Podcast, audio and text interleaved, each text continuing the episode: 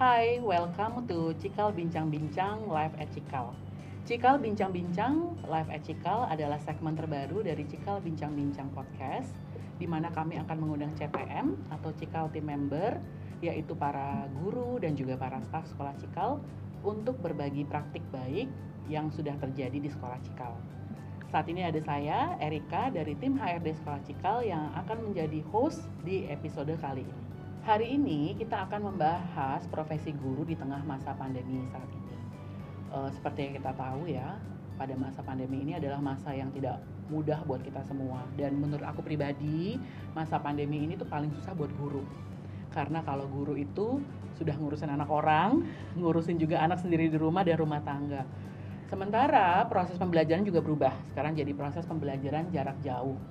Di mana guru-guru di saat yang tidak berdekatan dengan murid-murid harus memberikan yang terbaik juga gitu ya. Jadi hari ini uh, kita akan bertemu dengan dua orang guru cikal ada Miss Intan dan juga Miss Sari. Kita akan ngobrol-ngobrol, kita akan tanya gimana sih sebenarnya yang terjadi uh, apa ya di proses pembelajaran, apa yang dirasakan oleh guru-guru dan sebagainya.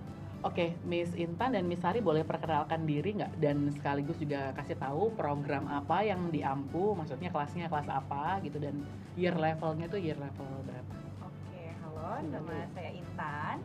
Nah, saya adalah uh, homeroom atau sekarang istilahnya PL ya, uh, program leader. Jadi uh, programnya Early Childhood dan Cikal Aksi-Aksi. Jadi kebetulan saya pegang cikal di bagian anak-anak kelas sekolahnya. Jadi yang bayi-bayinya ini nih yang kecil-kecil ini. Oke. Okay. Kalau Mesari? Aku Sari Utami. Uh, saat ini aku berada di Student Support Center, uh, handling anak-anak dengan kebutuhan khusus. Uh, kemudian saat ini karena sekarang kita pro ada program nih, jadi kita, saya juga pegang program untuk self management hmm. untuk kelas 11. Okay. Anak kebutuhan khusus kelas 11. Oke, sebelum kita mulai nih ke intinya, kita ngobrol dulu deh gimana sih masa pandemi udah 8 bulan ya ini. Gimana apa yang terjadi pada diri kalian masing-masing gitu selama ini maksudnya bukan hanya sebagai guru ya, tapi sebagai pribadi gimana tuh? Boleh. Uh, sama sih seperti apa pasti juga semua orang juga mengalami hal yang sama gitu uh, kasus yang terjadi pandemi ini terus tantangannya juga kebetulan juga uh, saya juga udah berumah tangga dan juga punya uh, anak juga masih umur 17 bulan gitu. Jadi memang Oh, masih kecil ya, masih? Uh, masih kecil banget. Oh, oh. Jadi waktu awal-awal pandemi itu hmm, yang terasa memang pasti ibu-ibu tuh terasa banget uh, secara mentalnya juga terus fisiknya hmm. juga seperti kemarin tuh banyak banget quotes-quotes yang sampai bilang bahwa kayak udah 24 jam udah nggak bakal pernah cukup deh karena hmm. harus ngurusin rumah juga terus juga harus mengajar juga memang bahkan kemarin salah satu uh, yang bikin deg-degan tuh aku sama suami tuh berdua sempat sama demam berdarah Oh, iya, okay. jadi di awal pandemi itu kami berdua demam berdarah. Terus agak deg-degan karena waktu itu kan masih kayaknya baru awal-awal pandemi itu mau keluar rumah juga khawatir. Gak tahu mau ke mana. Iya, apalagi ke rumah sakit ya? yang iya. lagi heboh banget banyak oh. uh, pandemi apa uh, virus dan segala macam. Jadi memang waktu itu betul-betul berusaha untuk uh, survive banget karena memang nggak uh, berani juga gitu pergi dari rumah apalagi kami di rumah cuma ber, berdua aja bersama si anak bayi ini bertiga gitu jadi memang harus sehat gimana pun caranya jadi bangun tidur keliengan ya memang ya udah ngurusin bayi juga hmm, jadi survive juga buat ya. kesehatan juga jadi memang up and down perasaan itu campur aduk banget sih di awal-awal pandemi. Nah, memang uh, apa namanya bersyukur juga kita manusia punya apa ya diberikan Tuhan keistimewaan untuk beradaptasi. Mm-hmm. sampai dengan hari ini sih bisa ngetawain yang kemarin udah terjadi iya, gitu. Iya. sih waktu awal-awal pasti semua orang nangisnya juga iya, berasa betul, banget betul. sih. Mungkin juga Bu Sari iya. kalau kalau Miss Intan anaknya 17 bulan betul. satu orang. Kalau Miss Sari aku tahu anaknya ada tiga dengan usia yang berbeda-beda iya, ya. tantangan tiga, juga ada tiga juga iya, ini tantangan tiga, tiga juga empat sama bapaknya ya Miss. Empat sama bapaknya betul.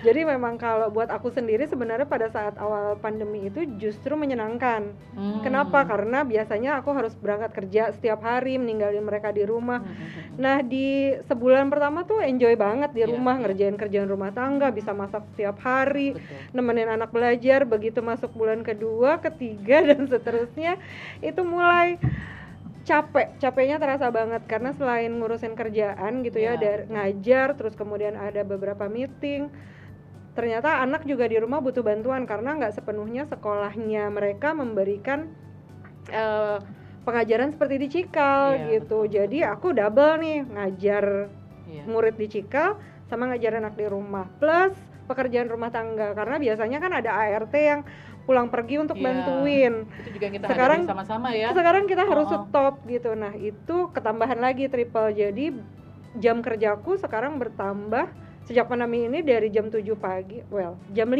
pagi sampai jam 11 malam. Itu berhentinya ya cuma break-break. Kita harus pintar-pintar untuk jaga kesehatan Iya, untuk betul. kapan tahu istirahat. Kalau perlu pas jam makan siang itu kita tidur sebentar sebenarnya. Iya, betul. makan tidur sebentar terus mulai lagi bekerja. Buat charge ya, sore betul sore itu gitu lagi. Malam pun setelah anak-anak makan malam itu aku sempetin tidur dulu. Karena pekerjaan rumah tangga itu baru dilakukan di malam hari tuh nyuci beresin Iya, rumah dan lain sebagainya itu baru malam hari. Jadi memang kesehatan yang penting banget sih harus jaga-jaga kesehatan. Sekarang eh, rajin-rajin konsul sama dokter apalagi di usia aku yang udah nggak muda lagi gitu ya. Masih muda lah. Em, udah nggak muda lagi jadi kalau ada keluhan harus benar-benar cepat konsul supaya Iya, cepat teratasi nggak terlanjur sakit drop. Berarti tadi eh, apa ya namanya? Dugaan aku bener ya guru itu dua kali lipat sih menurut aku ya kalau aku lihat gitu. Karena ya tadi orang-orang yang bekerja ibu-ibu yang bekerja atau bapak-bapak juga bekerja kan mengurusnya kerjaan dan anaknya. Di mana tadi mungkin pembantu juga banyak ART banyak yang apa pulang kan nggak mau kembali lagi karena situasinya juga mencekam kan sebenarnya di awal-awal pandemi. Dan kalau misalnya guru ditambah lagi anak lain gitu ya dan jumlahnya nggak cuma satu orang dua orang gitu bisa berapa mis murid-muridnya coba mungkin juga bukan hanya anaknya juga tapi satu keluarga itu juga pasti kan Betul. ikutan berkonsultasi orang tuanya juga betul punya betul tantangan betul gitu. Sempat aku dengar juga orang tua juga bisa bi- bi- biasanya mereka nunggu selesai juga bekerja nanti hubungin misnya atau Setelah ba- jam. bapak gurunya setelah jam iya Berjaga mereka kita, jadi tadi istirahat tidur siang itu memang penting banget sih kalau enggak Betul. nanti terus sampai malam kan itu harus pinter-pinter cari life hacknya masing-masing iya sih betul kayaknya betul sih. Oke, Miss Intan, Miss Hari boleh cerita nggak sih? Kan tadi kan udah cerita nih eh, di rumahnya nih. Tantangan yang lainnya nih pada saat mengajar kan, mengajar pembela- apa pembelajaran jarak jauh PJJ. Gimana sih pengalamannya sebagai guru pada saat masa PJJ ini? aku oke jadi waktu mungkin kita berdua punya tantangan yang sama kali ya kalau mungkin Bu Sari lebih karena anak-anaknya kebetulan eh, anak-anak dengan kebutuhan Kebutuhan khusus, khusus. kalau aku eh, anak-anak dengan anak-anak prasekolah gitu Hmm. jadi memang Hmm. satu screen time gitu aja juga udah tantangan Usia berapa, saya. Miss? aku tuh ngajar ada kelas adik-adik dan pre-kindi adik-adik itu usianya 1 sampai 2 tahun Oh, oke. Wow. pre-kindinya 3 sampai Pakai Zoom, pakai Google Meet gitu. Betul, pakai Zoom. Uh, terus kemudian juga uh, kalau pre-kini 3 sampai 4 tahun. Hmm. Itu tantangannya di awal. Mungkin kalau yang adik-adik ini mm, uh, lebih ke bagaimana meng- meng-encourage uh, pendampingnya ya, bisa mungkin papa mamanya atau mbaknya. Mungkin tantangannya juga kayak membantu untuk me- apa ya mengoperasikan. Mungkin di awal kan Zoom siapa sih yang uh, familiar Iya, sama iya, pakai betul, aplikasi betul, itu? betul, jadi betul. memang di awal tuh tantangannya mungkin secara teknis. Kemudian uh, se- seiring berjalannya waktu uh, anak-anak yang udah lebih besar nih yang 3 4 tahun tuh sempat uh, apa ya menunjukkan penolakan jadi seperti nggak mood Hmm. waktu di awal juga mungkin lelah capek pengennya ketemu langsung tapi kok cuma kotak-kotak kecil aja Hmm. gitu di awal jadi memang waktu itu strategi yang dilakukan adalah memang uh, kita harus menghubungi satu-satu juga sih orang Hmm. tuanya jadi memang ada sesi one on one sendiri jadi memang waktu di awal tuh tantangannya teknis seperti itu mungkin juga apa ya orang tua juga capek bagaimana membantu anak supaya kan rentang konsentrasinya mungkin nggak sepanjang kita Iya, orang betul. dewasa ya Kalau ketemu langsung kan masih bisa break sebentar gitu kan. Kalau udah kayak gitu kan susah ya. Jadi memang kadang-kadang kita juga suka menyaksikan bangku-bangku kosong pada saat Oh, lagi ini. betul, Karena mungkin betul. anak-anaknya juga memang perlu aktivitas yang juga harus Iya. bergerak seperti itu sih Iya. awal-awal sih mungkin em, apa ya menarik minat anaknya itu yang tantangannya. Mm-mm. Kalau Bu Sari ini sama nih ya, ini anak kecil-kecil yang masih Ah. anak besar juga mungkin. Iya pasti. Iya, dan kebetulan anak besarnya kan juga anak kebutuhan khusus Iya, ya gitu. betul. Jadinya pastinya em, kurang lebih sama sebenarnya karena usia perkembangan mereka itu eh, di bawah Hmm. usia kronologisnya mereka Iya, gitu. betul. Jadi memang kurang lebih sama tantangannya seperti itu membuat moodnya mereka tetap terjaga. bisa terjaga gitu. Nah, kalau saya sendiri jadi guru sama. Siapa sih yang dulu kenal Zoom sama Google Meet gitu ya? Eh, kita harus lebih dulu bisa mengoperasikan itu daripada anak-anak. Ya, betul. Jadi kita belajar lagi nih dari awal, apalagi balik lagi nih. Saya bukan guru muda gitu yang yang menggunakan teknologi dengan maksimal gitu ya saya menggunakan teknologi secukupnya aja nah saat ini saya nggak bisa begitu saya harus uh, expert jadi expert expert betul karena saya harus ngajarin itu ke anak-anak ini nah kalau orang lain mungkin jalan jalan cepet saya harus lari larinya ngebut banget gitu hmm. untuk menguasai segala jenis teknologi yang digunakan hmm. Semasa PJJ ini gitu jadi belajar Google Meet belajar Zoom terus mencari aplikasi yang sesuai untuk online learning gitu. Kalau dulu uh, belajar di kelas itu gampang kita bisa pakai karton, bisa gunting-gunting, bisa iya, ngelem, betul. ya. Gitu, papernya bisa di print sedemikian rupa. Sekarang tuh kayak nggak bisa gitu loh. Nah, uh, sementara kebutuhan mereka untuk tetap menulis, memegang sesuatu itu tuh masih tinggi banget. Nah, itu challenge banget buat aku di awal-awal pandemi gitu. Nah, hmm, beratnya sampai sekarang pun masih yeah. sebenarnya ya itu tadi uh, rentang fokusnya mereka memang sangat pendek. Uh, terus kemudian moodnya mereka kalau anak-anak kebutuhan khusus kalau yang lagi oke okay, oke okay, yang lagi ngamuk ya benar-benar sama sekali nggak nongol gitu. Bahkan di screen pun nggak ada gitu karena mereka menolak dibantu sama orang tua. Mungkin kalau yang kecil-kecil orang tuanya masih bisa bantu iya. terus dia duduk sini gitu ya dipaksa dalam tanda iya. kutip ya betul gitu.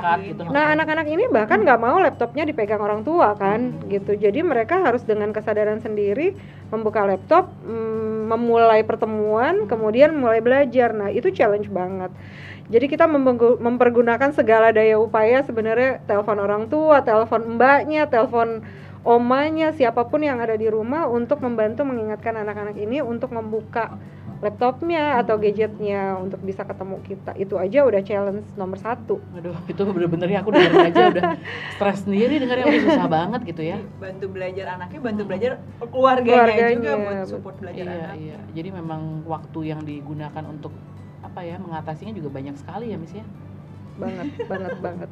Tadi kan ceritanya udah banyak nih ya uh, kendala-kendalanya kesusahan-kesusahannya. Tadi ada juga sih uh, apa namanya bagaimana cara kayak hubungin orang tua tadi dan lain-lain gitu. Nah sekarang uh, apa namanya cara kalian uh, kedua miss ini beradaptasi sama situasi tadi gimana caranya? Aku lagi.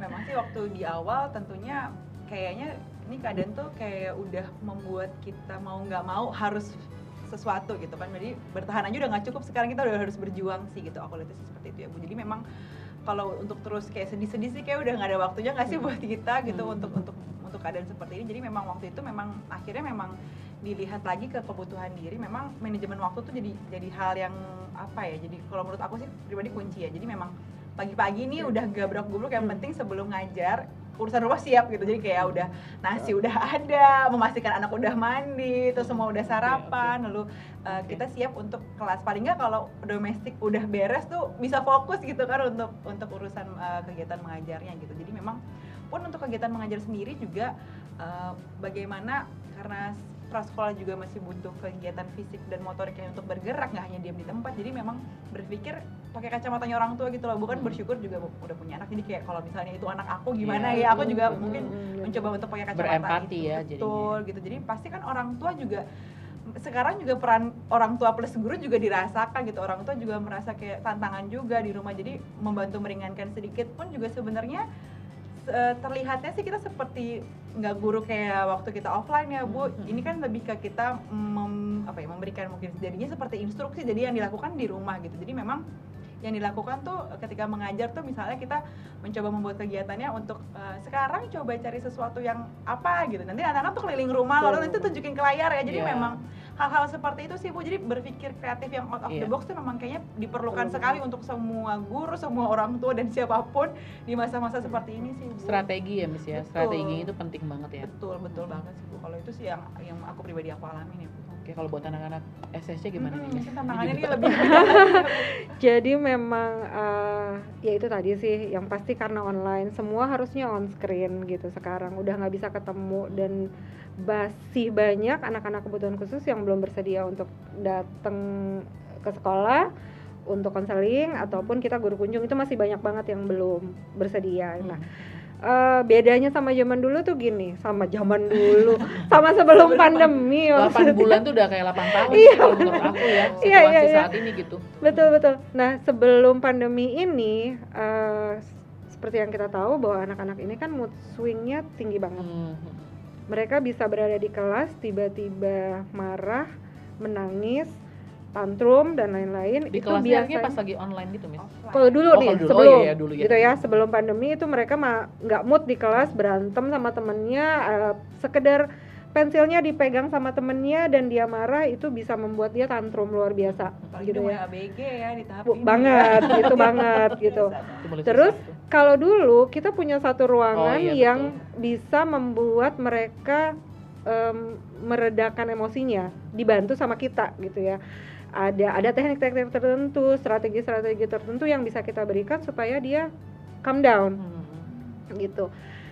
Itu berlaku terus menerus jadi sepanjang hari itu bisa 3-4 anak datang ke ruang SSC untuk calming down. Out gitu ya Miss ya kayaknya? Betul, terus kemudian untuk sekedar ngobrol, Miss hari ini aku upset banget karena sebenarnya buat kita mungkin masalahnya sepele banget gitu ya, karena tadi pagi aku disuruh sarapan telur, tapi itu ke, ke bawah sampai jam pelajaran Hmm. makan Wow. sebelum makan siang gitu, itu tuh terus terbawa. Atau pagi ini mamanya menegurnya dengan tidak proper gitu ya, menurut dia. Iya. gitu. Mungkin mamanya sebenarnya cuma nyuruh mandi Iya, cepetan ya gitu. Tapi buat dia itu kayak dimarah-marahin banget gitu. Nah itu kebawa terus sampai siang dan mereka bisa nangis di SSC terus mulai dari nangis sampai ngelempar barang nendang kita em, ngeludahin dan lain-lain itu udah biasa gitu Karena Dan itu- besar jadi tenaganya juga Iya, banget, dan anak-anak itu besar-besar loh badannya. betul gitu Eh, tapi yang sekedar numpang nangis pun ada Iya. gitu numpang nangis Masih di situ Miss, sebentar. ya? I- itu udah enak banget sebenarnya kalau cuma numpang nangis nah kita memberikan konseling strategi dan lain-lain di situ nah semasa pandemi ini itu hilang kan Hmm. gitu yang ada adalah mereka kita semua eh, saya memegang semua nomor WA anak-anak. Oh, oke. atau kita bikin kesepakatan di awal sebenarnya mau dihubungi mau kita kontakkan lewat apa? Lewat WA lewat hangout atau by email atau dengan sarana apa pun gitu. Saya sekarang eh, punya akun Discord untuk eh, Discord ini buat main game anak-anak Hmm. eh, buat main Roblox dan lain sebagainya gitu Aku online game tahu gitu aja.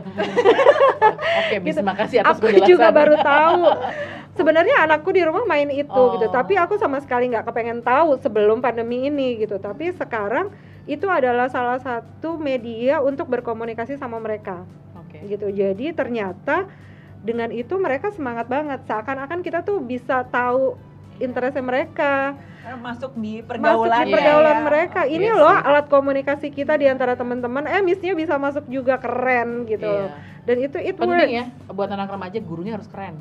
Kan Hmm, teman well, jadinya kan ngerasa terpaksa Iya. keren nyambung. jadinya ya Iya, jadi nyambung dan Iya. itu belajar banget sih gimana cara bikin Discord, gimana pengoperasiannya dan sebenarnya kalau kita tanya mereka gimana cara menggunakannya itu mereka senang banget ngejelasinnya gitu nah kita menyepakati itu mau media apa nih buat berkomunikasi sehingga pada saat mereka moodnya turun mereka bisa mengkomunikasikan itu ke kita dengan media yang sudah disepakati Hmm. gitu.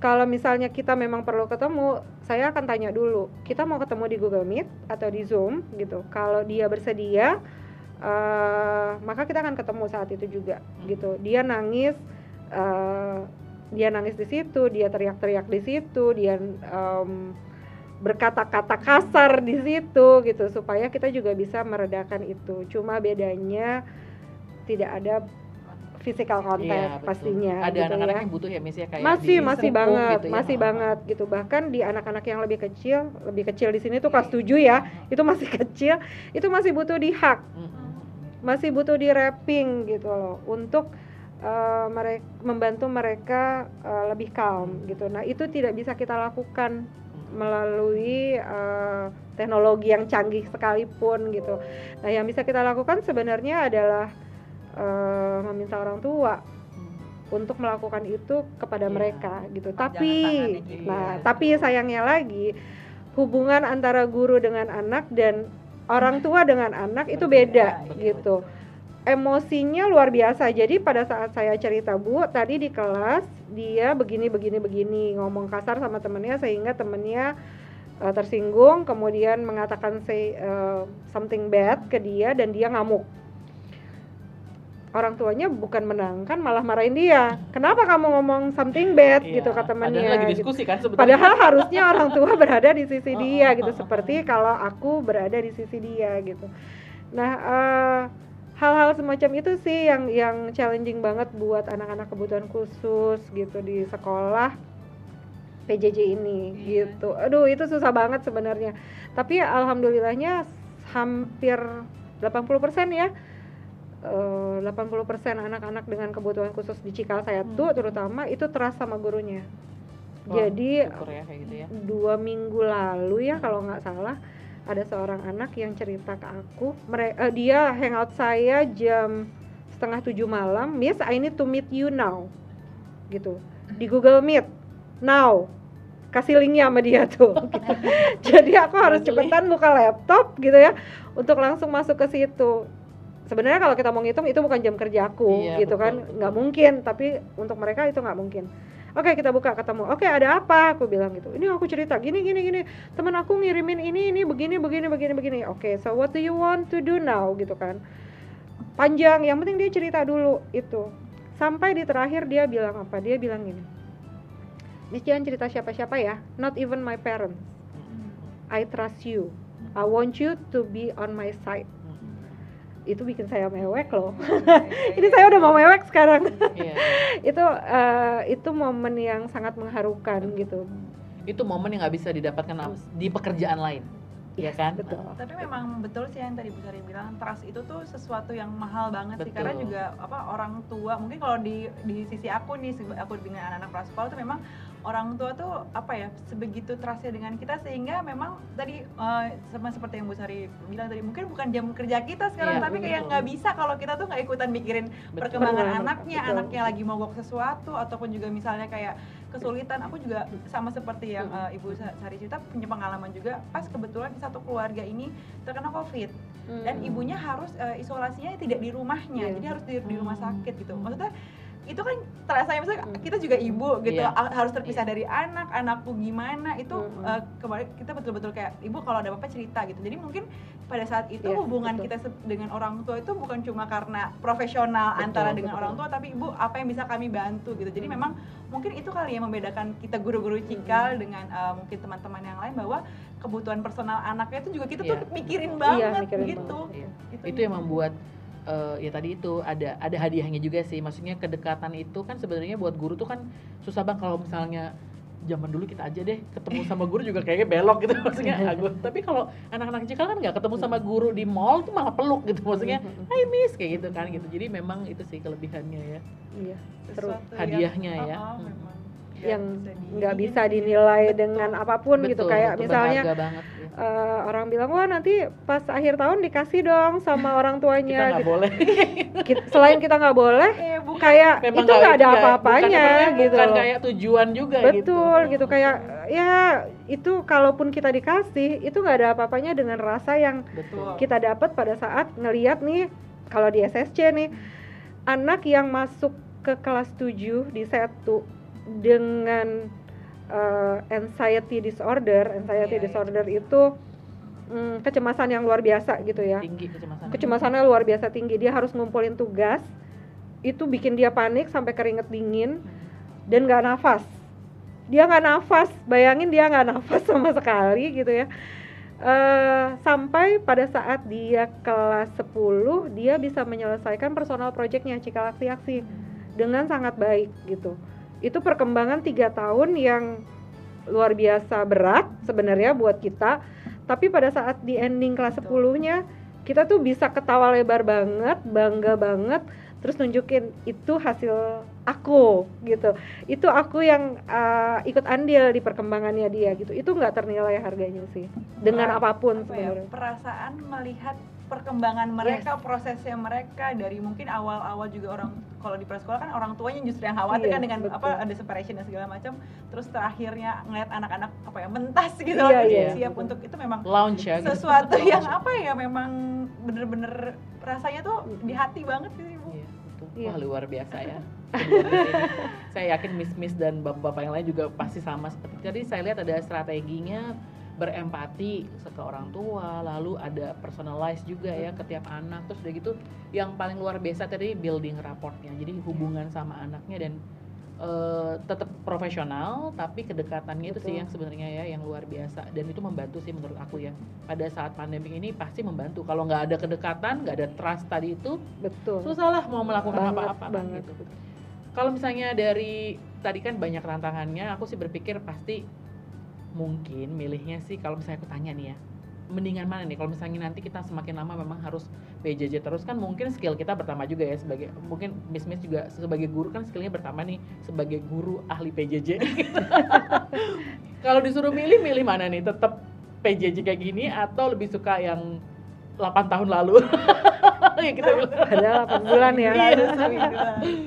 Gitu. gitu. Gimana, gimana ya soalnya plus minus ibu kalau Iya. sebagai ibu itu tentu banget enak banget nih PJJ Iya, iya, karena maksudnya kita di rumah Iya. ngelihat semua Bisa multitasking ya. betul domestik di rumah dan segala macam dengan yang bumbu-bumbu yang juga melelahkan lainnya gitu tapi kalau misalnya eh, kita offline tuh memang apa ya bu tadi yang bu Sari bilang ada hal-hal yang memang tidak bisa kita lakukan dan terbatas dengan teknologi nggak selalu Betul. teknologi juga Iya. memberikan segalanya tapi Betul. kayak tadi maksudnya physical touch-nya juga uh, Iya, kurang betul. susah gitu apalagi kan maksudnya kan agak agak tidak mungkin ya di Hmm. prasekolah itu tidak melakukan physical touch Betul, dengan betul. anak gitu jadi memang sekedar salaman tangan aja kita sekarang nggak boleh kan iya gitu Maksudnya kita aja harus berjarak gitu Mm-mm. sekarang kan apalagi kita ber apa ya berkontak secara fisik gitu Iya. jadi memang plus minusnya gitu ya bu Iya. kalau untuk eh, sebagai ibu kacamata ibu enak sih di rumah Iya, gitu kita betul. bisa mengatur jam kerja dan Betul, segala betul. macamnya Itu bisa ambil nyambi nyambi ini itu tapi memang untuk pengajaran tuh apalagi kalau prasekolah terbatas dengan 30 menit itu bagaimana Iya, dengan 30 menit iya. itu bisa efektif gitu itu kan tantangan banget ya berpacu Banget. dengan waktu juga harus melihat bagaimana ini nyampe nggak ya ke anak aku gitu kayak Mm-mm, gitu gitu ya sih ya benar, bu benar. gitu aku nggak bisa kalau disuruh milih. Sebenarnya dua-duanya enak juga sih ya sebenarnya. Eh, kalau milih untuk kepentingan anak-anak jelas aku pilih yang nggak Iya, PJJ betul, gitu ya. Eh, tapi juga dengan adanya PJJ ini kita belajar lebih banyak lagi nih Betul. gitu. Bagaimana cara membuat kedekatan tanpa harus bersentuhan fisik gitu itu tuh kita masih mengasah skill banget Hmm. untuk itu terutama guru-guru SSC pastinya. Yang eh, terpaksa harus menyelami kepribadian si murid dan karakter-karakternya melalui teknologi Hmm. gitu. Berat banget gitu. Iya, tapi sekarang mau gimana lagi? Sepertinya ini masih akan panjang Iya, terus. betul, betul. Hmm, skillnya harus belum ditingkatkan lagi Miss ya? Betul gitu. Jadi emang aku kalau aku aku nggak bisa milih mungkin pilihan kita adalah nikmati aja sih iya kan nikmati aja saat ini sambil berharap semuanya segera selesai ya Iya, betul, gitu betul. Dan ini juga cerita kan nanti buat eh, generasi yang selanjutnya gitu kan bahwa kita pernah di masa yang berat pun kita bisa lalui gitu ya kan. dan, Dan mungkin kerjasama Betul bareng-bareng. betul ya. Dan mungkin ini buat orang tua kalau ada yang denger ya maksudnya memang sebegitu susahnya jadi memang benar-benar butuh dukungan dari orang tua. Trust tuh boleh sih ke guru tapi harus ada kerjasama juga Benar. karena ya tadi kan kalau misalnya murid itu percaya sama guru harusnya apalagi sama orang tua ya gitu karena kan orang tua sendiri gitu dan dengan- sekarang yang bisa bantu di rumah mereka Iya, orang iya, tua betul. siapa lagi Berarti gitu. ini mungkin PR-nya selanjutnya adalah itu kali ya edukasi buat orang tua ya, bagaimana supaya Hmm. bisa bantu anaknya di rumah dari sisi mata guru gitu. Jadi supaya anaknya juga semakin baik kan gitu. mungkin ya, aku nggak tahu deh, mungkin bisa kayak gitu. sebenarnya itu kita udah lakukan sih ya Mhm. maksudnya untuk uh, pelan-pelan mengedukasi orang tua untuk le- terlibat lebih dalam lagi Mhm. gitu mungkin kalau dulu uh, sebenarnya kita encourage itu dari dulu ya Dari- dari, sebelum lama iya, masih betul-betul. masih offline gitu ya masih tatap muka tapi kan karena sering ketemu sama gurunya nih Iya, terus masa berada di tercover sekolah ya. benar ke sering berada di sekolah anaknya mereka tuh kayak ah ya udah sisanya tinggal aku baru gitu nah kalau sekarang mereka masih harus lebih belajar lebih banyak lagi walaupun kita terus komunikasikan ibu sebaiknya di rumah kayak gini kayak Iya. gini kayak gini Karena kebalikan nih ya, biasanya di 70%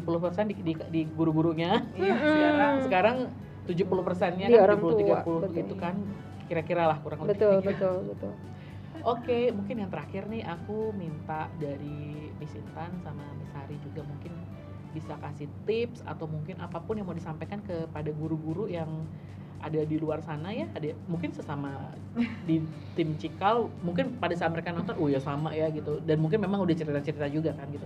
Tapi mungkin buat guru-guru lain yang mengalami sekarang hal yang sama tipsnya apa sih supaya bisa tetap strong gitu?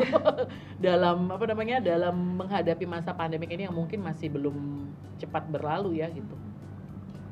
Bapak dan ibu guru teman-teman CTM atau mungkin juga bapak dan ibu yang lain orang tua murid juga di rumah uh, memang bertahan aja kita udah nggak cukup ini udah harus berjuang dan apa ya kalau aku pribadi sih melihatnya gini ya bu uh, mungkin sekarang yang dibutuhkan itu adalah kesadaran dan juga kesabaran juga untuk kita menjalani ini semua sih hmm. ini memang tidak mudah tapi bapak dan ibu tidak sendirian punya hmm. teman-teman silahkan hmm. dibagi. Uh, kalau di keep sendirian itu pasti rasanya berat.